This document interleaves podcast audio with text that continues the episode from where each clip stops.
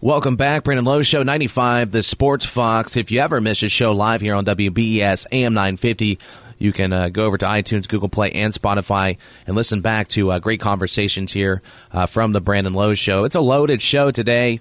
We're going to have Nick Snyder later here on the program, West Virginia Mountaineer, uh, a pitcher there with the baseball squad. Now is uh, the head football coach with the Mountaineers. He's in his first year coming over from Troy, had some success there, big wins over Power 5 programs like LSU and Nebraska, and now he's here in the Big 12 and most importantly in Morgantown coaching the Mountaineers. He's Neal Brown. Neal, how you doing, brother? I'm good. I'm doing doing well. Fire away. All right, man. Well, let's uh, let's talk about the transition first, coming from Troy to now Morgantown, recruiting for the Big 12, and then eventually coaching in this conference. How has transition been for you and your family? Oh, the transition's been smooth. I think the people uh, in the state of West Virginia have been been really gracious, really welcoming to not only my family and and, and myself, but also our staff and their families. So. Um, smooth transition. Uh, excited to to get our full team here this summer and, and begin preparations uh, for for what we hope to be a successful year one. What's the hardest part of leaving a place like Troy? Just that you have all your systems in place. You've recruited for your system going on four years.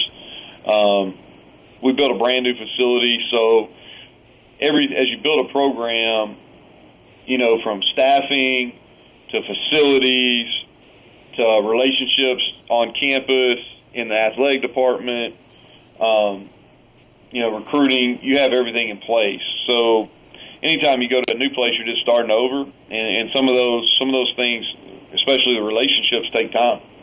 Speaking of that, the biggest thing when everybody talks about a new hire uh, and getting up to speed with the recruiting area, uh, that was the big thing was will you be able to understand the recruiting blueprint, I guess you can call it, the Mid Atlantic and then Ohio, New Jersey, and Florida, all the way down the coast. Um, how are you able to basically accustom yourself to the recruiting efforts there at West Virginia, and how do you basically attack your recruiting efforts in those regions? Well, I've got experience in this this region. A lot of our coaches do. Um, it, it, you know, I coached at at UMass, played at UMass, coached at uh, Sacred Heart in Connecticut, coached in Delaware, uh, so recruited New England, New York City, New Jersey, Pennsylvania, um, down into Maryland, um, into Baltimore, D.C. So recruited those areas in the past. When I was an assistant at Kentucky, we really recruited the state of Ohio really hard, um, and then went into Michigan and and Indiana, Indiana, and some of those areas. So re- experience there. Um, coming into this job, we we we had a plan, and our plan was going to be to recruit within a six-hour radius of of Morgantown, and that that encompasses a lot of areas. Uh, that was going to be our primary primary area. Then our secondary was going to be where we have experience, and that's uh, in our most recent experience, and that's down in Alabama, Florida, and Georgia. Just joining us here on the Brandon Lowe Show. Got Neal Brown, uh, Mountaineer head football coach in his first year, coming out of spring, and as we head into summer, and then eventually fall. Uh, talk about also the importance of in-state recruiting, because I know you said you want to keep guys here at home to play at West Virginia, and a lot of fans are big on that. Uh, kind of talk about the importance of keeping guys here in state to play with the Mountaineers. Well, I think the first thing you do when you talk about West Virginia football, I think um, it, it's a lot better than than people give it credit for, and I think a lot of that's due to the uh, to the level of coaching. Um, I was really impressed. We hosted a clinic that was primarily primarily West Virginia coaches back during spring ball, and there was over 300 coaches here and really eager, ask good questions. Um, so I think the level of coaching is, I, I've been impressed with so far. You know, um, the recruiting in the state gets a little bit of a bad rap just because I think people look at the number of Division One products that year in and year out are produced. But if you go back to population, you know we're a small state population wise, and so per capita, you know the number of Division One prospects that that that we're producing is not way off base you know. Yeah. And so I think the important thing for us is we got to identify, we got to evaluate guys we feel like are Big 12 football players that are elite Power 5 football players, and then we've got to do everything possible within the rules to get those guys to stay home. Um, yeah, we got a few in this class, we got a few in next next year's class um, that that we're heavily pursuing. And, and that's our goal is to, is to keep guys here, especially those guys that that that grew up Mountaineer fans.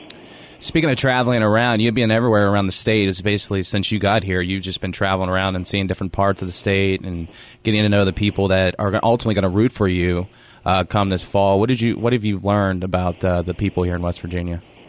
They're passionate, and I knew that coming in. That was something that that really probably drew me to this job is just the passion of the fan base, fan base, and they are. I mean, from every corner of the state. They're they're passionate about West Virginia. They um, they identify themselves with with our football program, and and so it's good. It's a lot of a lot of similarities between the people that that I grew up with around in Kentucky and the people in this state. Meeting Don Nehlen, you arrive here in Morgantown. Uh, Don Nehlen, considered the godfather of Mountaineer football, and uh, he uh, described the meeting uh, between you and, and Nehlen and what he's meant to you as far as getting you, getting you up to speed on culture and tradition of Mountaineer football. Well, I think he is West Virginia football. Um, I think he's a legend. Um, you know, I come into work every day on a, on a street that's named after him, and deservedly so. And ton of respect for him, not only as a football coach and what he was what he got done here, um, because I think some of that's lost is the amount of production he had and and going to a national title game and and those type of things. Some of it's lost just because on how good a person he is. Um, you know, um, a guy of utmost character, guy that I've enjoyed getting to know here, um, and I look to to continue to grow that relationship. But he uh, he, he'll always be part of this program and and and deservingly so. Got Neal Brown here on the Brandon Lowe Show. When you first met your players and the team, I know you talked to them. Uh, what was the focus of that talk? Because here you are, you're adopting this uh, these players and this in this new team and obviously this new program. But what do you say as a new coach to these guys that don't really know you well, and, and what's the primary focus of that conversation? Well, I think it, without getting into to a whole lot of specifics, the the first thing is, is I chose them. They didn't choose me. I chose them. So um, I look at they were all my, they were all our players from the first day we stepped foot here in Morgantown. Um, and the other thing is everybody had a clean slate, and we were going to move forward from January 6th on. Uh, I wasn't looking at a whole bunch of video, wasn't going asking about people's past. As everybody had a fresh start, and this was going to be their program. This was going to be a program that was going to be about players for the players, and and and those those were really the main the main topics of that initial conversation not much uh, you can really. I mean, you can take some stuff away from spring. It's early, especially when you're in your first year. You're just kind of getting to know some of these guys. But what was your overall takeaway from some of the practices in the spring game? You know, we got to get better. I think that's the biggest takeaway. I think that we're really young, inexperienced offensively. Defensively, I think we've got some good pieces to work with. We've got to continue to get better. We had three things we wanted to do in spring. Number one, we want to get better fundamentally, which I think we made some strides. We still got some work to do on that, but we made some strides. I think second thing is we want to teach our base schemes, which we did. Um, I don't know if we've mastered them like I would like for us to have, but we, we, we did get them installed. Third was to identify the players that we felt like uh, could be in our two deep, or more importantly, guys we felt like we could win games with in the Big 12. So we've done that. Um, I thought we achieved those goals. We still got a long way to go before before James Madison rolls in here on August 31st the exciting part for the fans was they got to see the new uniforms, uh, sort of a rebranding of those uniforms, and you brought back the gray as well. Uh, kind of go into why you, it was important for you guys to get those new uniforms for the for the fans and everything. Hey, listen, on those uniforms, they were they were all designed before I got here.